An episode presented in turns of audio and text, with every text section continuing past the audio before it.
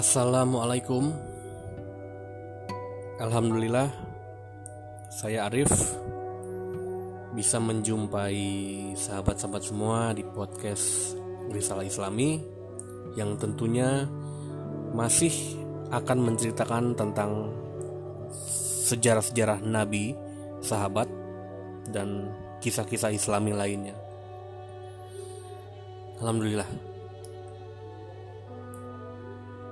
Di episode ketiga kali ini, saya akan membacakan kisah dari Nabi Idris alaihi salam.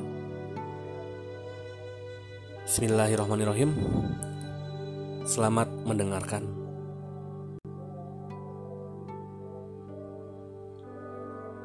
Nabi Idris alaihi salam merupakan keturunan dari Khobil dan Iklima.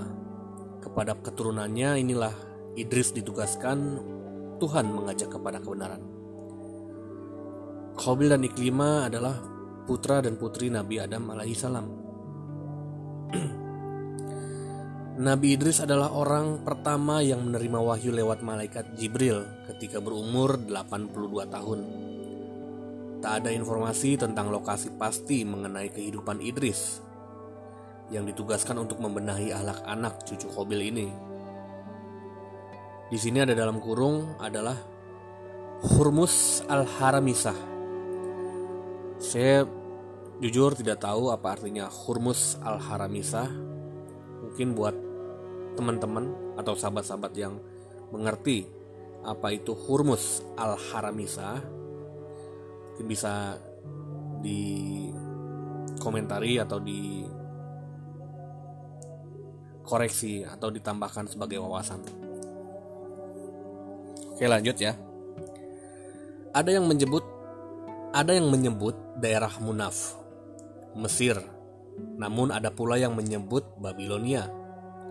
Yang pasti Idris yang sejak kecil belajar ilmu dari Nabi Syed. Uh, Nabi Syed, Nabi Syed ini adalah putra Adam alaihissalam juga. Kepadanya telah diturunkan wahyu kenabian. Quran surat Maryam ayat 56 sampai 57 berkata, dan ceritakanlah, hai Muhammad kepada mereka, kisah Idris yang di dalam Al-Quran.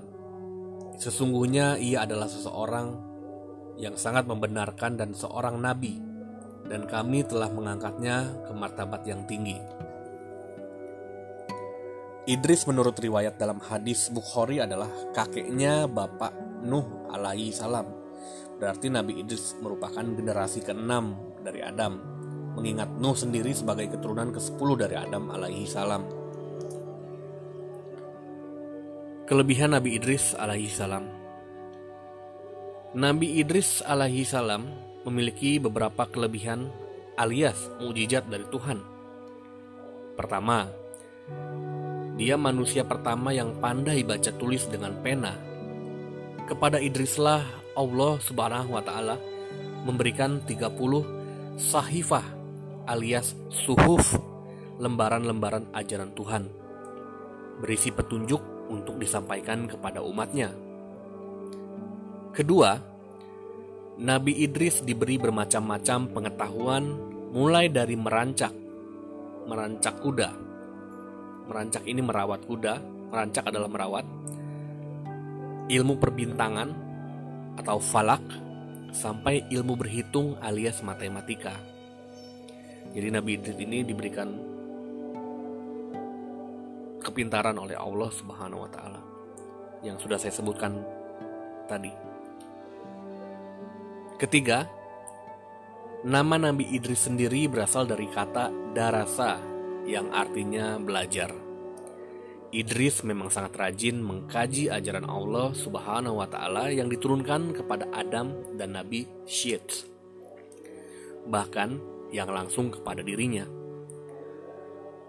Nabi Idris juga sangat tekun mengkaji fenomena alam semesta yang semua merupakan ayat dan pertanda dari Tuhannya. Keempat, Nabi Idris alaihi salam ialah orang yang pertama pandai memotong dan menjahit pakaiannya. Orang-orang sebelumnya konon hanya mengenakan kulit binatang secara sederhana dan apa adanya untuk dijadikan penutup aurat. Idris yang haru, Idris yang haus akan ilmu pengetahuan sehari-hari memang disibukkan oleh berbagai kepentingan. Namun, ia tetap selalu ingat kepada Tuhan. Dengan berbekal pengetahuan yang mencapai kelengkapan, dengan kekuatan dan kehebatan yang mumpuni, Idris menjadi gagah berani tak takut mati, tak gentar kepada siapa saja, terutama dalam menyadarkan keturunan Khobil Iklima yang saat itu penuh dengan kesesatan. Dapat dipahami, jika ia mendapat gelar kehormatan Asyadul Usud alias singa di atas segala singa dari Allah Subhanahu wa taala. Kepada kaumnya, Idris diperintahkan memberantas kebiasaan melakukan kenistaan. Idris ditugaskan untuk membenahi pekerti rendah, zolim terhadap sesama, suka permusuhan, serta suka membuat kerusakan. Kepada keturunan Khobil, Idris menandaskan iman kepada Allah bisa memberikan keberuntungan. Untuk itu hai kaumku, kata Idris. Peganglah tali agama Allah, beribadalah hanya kepada Allah, bebaskan diri dari azab akhirat dengan cara amal soleh dan kebaikan. Zuhudlah di dunia dan berlaku adil, mengerjakan sholat sesuai dengan ajaran Tuhan, berpuasa pada hari tertentu setiap bulan, jihad melawan musuh agama bikinan setan, serta keluarkan zakat dan sedekah membantu kaum papa dan kaum yang ditimpa kemalangan. Selain itu, Idris juga selalu menyatakan beberapa pesan kebajikan. Pertama, sholat mayit lebih sebagai penghormatan karena pemberi syafaat hanya Tuhan sesuai ukuran amal kebajikan. Kedua, besarnya rasa syukur yang diucapkan tetap tidak akan mampu mengalahkan besarnya nikmat Tuhan yang diberikan. Ketiga, sambutlah seruan Tuhan secara ikhlas untuk sholat, puasa, maupun menaati semua perintahnya. Keempat, hindari hasad alias dengki kepada sesama yang mendapat rezeki karena hakikat jumlahnya tidak seberapa. Kelima, menumpuk-numpuk harta tidak ada manfaat bagi dirinya Keenam, kehidupan hendaknya diisi hikmah kebijakan.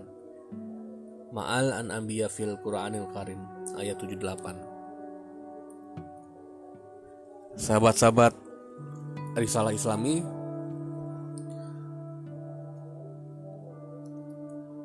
Untuk episode kali ini tentang Nabi Idris alaihi salam memang tidak terlalu banyak diceritakan tentang perjalanan dia atau tentang kisahnya yang lebih detail ya.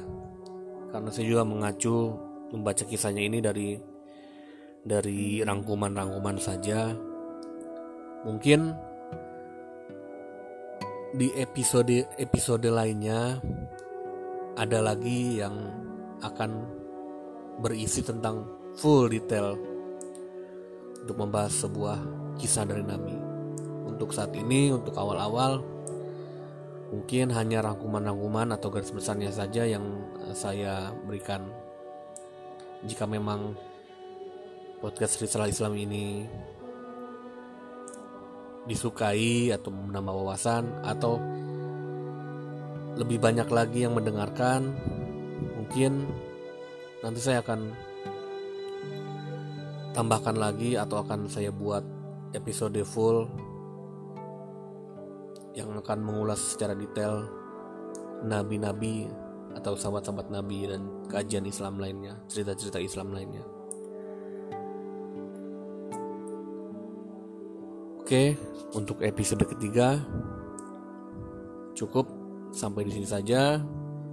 Semoga saya bisa kembali lagi hadir untuk menjumpai sahabat-sahabat semua di podcast Restoran Islam.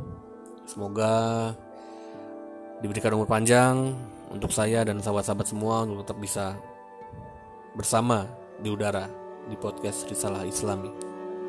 Semoga bermanfaat dan jika ada yang salah atau kurang itu datangnya dari saya. Saran dan kritik saya perlukan untuk membangun podcast ini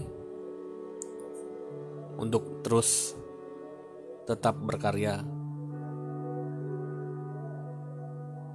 Assalamualaikum.